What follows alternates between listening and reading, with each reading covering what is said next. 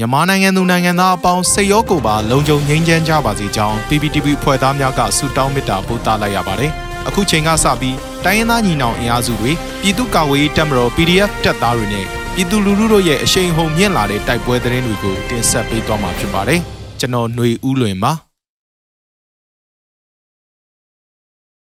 ။ပထမဆုံးအနေနဲ့ မန္တလေး35လမ်းလျှက်စေရုံရှိစစ်ကောင်စီကင်းတဲ့ကိုပျောက်ကြားတပ်ဖွဲ့များကဝင်ပစ်လို့စစ်သားအနည်းဆုံးတဦးသေဆုံးတဲ့တဲ့ရင်ကိုတင်ဆက်မှာပါ။မန္တလေးမြို့35လမ်း86လမ်းနဲ့89လမ်းကြားရှိမဟာအောင်မြေမြို့နယ်လျှက်စေရုံရှိမှာကင်းဆောင်နေတဲ့အကြမ်းဖက်စစ်ကောင်စီတပ်ဖွဲ့များကိုမန္တလေးမြို့ပြပျောက်ကြားတပ်ဖွဲ့မှယမန်နေ့ဇန်နဝါရီလ14ရက်ည9:45မိနစ်မှာဝင်ရောက်ပစ်ခတ်ခဲ့ရာအ ਨੇ ဆုံးစစ်သားတအုပ်သေဆုံးကြောင်းအဆိုပါပျောက်ကြားတပ်ဖွဲ့ထံမှသိရှိရပါတယ်။ပျောက်ကြားတပ်ဖွဲ့များဝင်ရောက်ပစ်ခတ်ချိန်မှာလမ်းလျှောက်နေတဲ့စစ်သားတအုပ်လဲကျသွားကြောင်း နောက်တဦးမှာတဲအိမ်များအောင်ဝင်ပုံးတီလောလဲကျသိဆုံးတီလောအတိမပြုတ်နိုင်သေးကြောင်း JMPDF ကသတင်းထုတ်ပြန်ပါတယ်။အဆိုပါတိုက်ခိုက်မှုကို Phoenix အထူးပျောက်ကြားတပ်ဖွဲ့နဲ့ JMPDF အဖွဲ့ပူးပေါင်းလှုပ်ဆောင်ကြောင်းအထိကိမရှိပြန်လည်ဆုတ်ခွာနိုင်ကြောင်းသိရပါတယ်။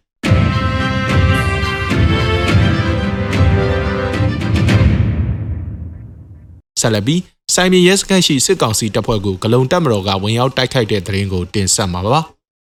တပင်းမြို့နယ်စိုင်းမြင်ရဲစခန်းအတွင်းရှိအင်အား30ပါစစ်ကောင်စီတပ်ဖွဲ့ကိုယမနေ့ဇန်နဝါရီလ14ရက်ညနေ4:55မိနစ်မှာဂလုံတပ်တော်ကနေရာ9နေရာမှာမိုင်းရှစ်လုံးနဲ့ဖောက်ခွဲတိုက်ခိုက်ခဲ့ပြီးစစ်ကောင်စီတပ်ဖွဲ့ဝင်များထိခိုက်ကြဆုံးမှုရှိနိုင်ကြောင်းဂလုံတပ်ဖွဲ့ကထုတ်ပြန်ပါတယ်။အကြမ်းဖက်စစ်ကောင်စီတပ်ဖွဲ့များဟာစစ်တပ်နက်များ40မမများဖြင့်ပြန်လည်ပစ်ခတ်ခဲ့ကြောင်းဂလုံတပ်တော်တပ်ဖွဲ့ဝင်များအထိကိမရှိပြန်လည်ဆုတ်ခွာနိုင်ခဲ့ကြောင်းဂလုံတပ်တော်ကသတင်းထုတ်ပြန်ပါတယ်။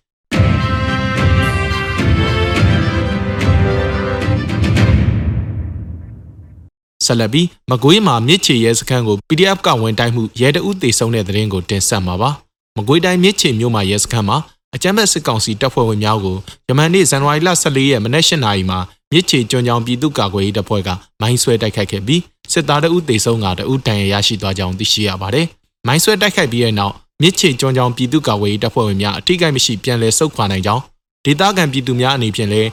MCKC PDF ကထုတ်ပြန်ထားတဲ့သတိပေးချက်များကို အထူးလေးထားကြဖို့မြစ်ချေကွန်ကြောင်း PDF ကထုတ်ပြန်ထားတာပါ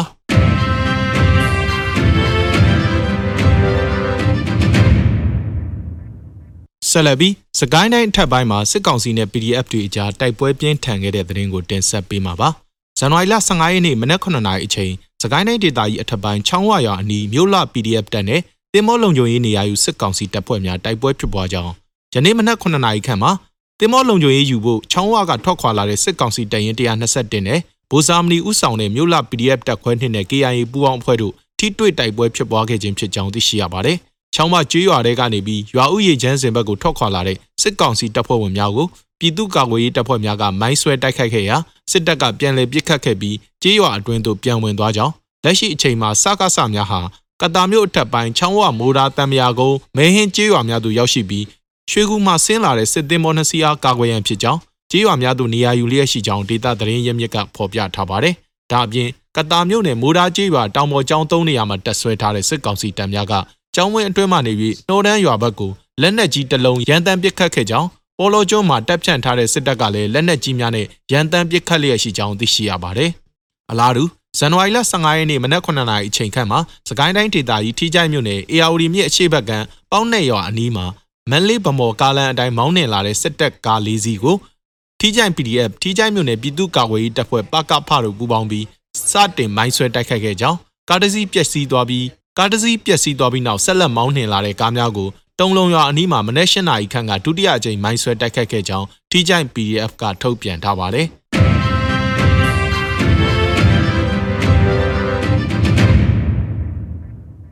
နောက်ဆုံးအနေနဲ့အမျိုးသားညီညွတ်ရေးအစိုးရပြည်ထရေးနဲ့လူဝင်မှုကြီးကြပ်ရေးဝန်ကြီးဌာနက2022ခုနှစ်ဇန်နဝါရီလ15ရက်ရက်စွဲနဲ့ထုတ်ပြန်တဲ့ပြည်သူ့ခုခံတော်လှန်စစ်တရင်အချက်လက်တွေကိုတင်ဆက်ပေးသွားမှာပါ။အာနာသိန်းအကြမ်းဖက်စစ်အုပ်စုရဲ့ပြည်သူလူထုအပေါ်အကြမ်းဖက်ဖိနှိပ်ဖမ်းဆီးတိုက်ခိုက်တပ်ဖြတ်နေမှုများကိုပြည်သူလူထုတရက်လုံးကအသက်ရှင်တန်ရေးအတွက်မိမိကိုယ်ကိုမိမိခုခံကာကွယ်ပိုင်ခွင့်အရာပြည်သူခုခံစစ် People's Defensive War ကိုဆင်နွှဲလျက်ရှိပါတယ်။တရင်အချက်လက်များအရ14ရက်တလ2022ရက်နေ့မှာ စစ်ကောင်စီတပ်ဖွဲ့ဝင်39ဦးသေဆုံးပြီးထိခိုက်ဒဏ်ရာရရှိသူ9ဦးအထိခုခံတိုက်ခိုက်နိုင်ခဲ့ပါတယ်။စစ်အာဏာရှင်စနစ်မြမမြေပေါ်မှာအပိတိုင်ချုပ်ငြင်းရေးနဲ့ Federal Democracy တည်ဆောက်ရေးအတွက်ငြိမ်းချမ်းစွာဆန္ဒပြတဲ့လူထုတပိတ်တိုက်ပွဲများကပြည်내နဲ့တိုင်းဒေသကြီးများမှာဖြစ်ပွားပေါ်ပေါက်လျက်ရှိပါတယ်။မြေပြင်မှာယခုတွေ့ရတဲ့သတင်းအချက်အလက်များထက်ပို၍ဖြစ်ပွားနိုင်ပါတယ်ခင်ဗျာ။ရေတော်ဘုံအောင်ရမည်ရေတော်ဘုံအောင်ရမည်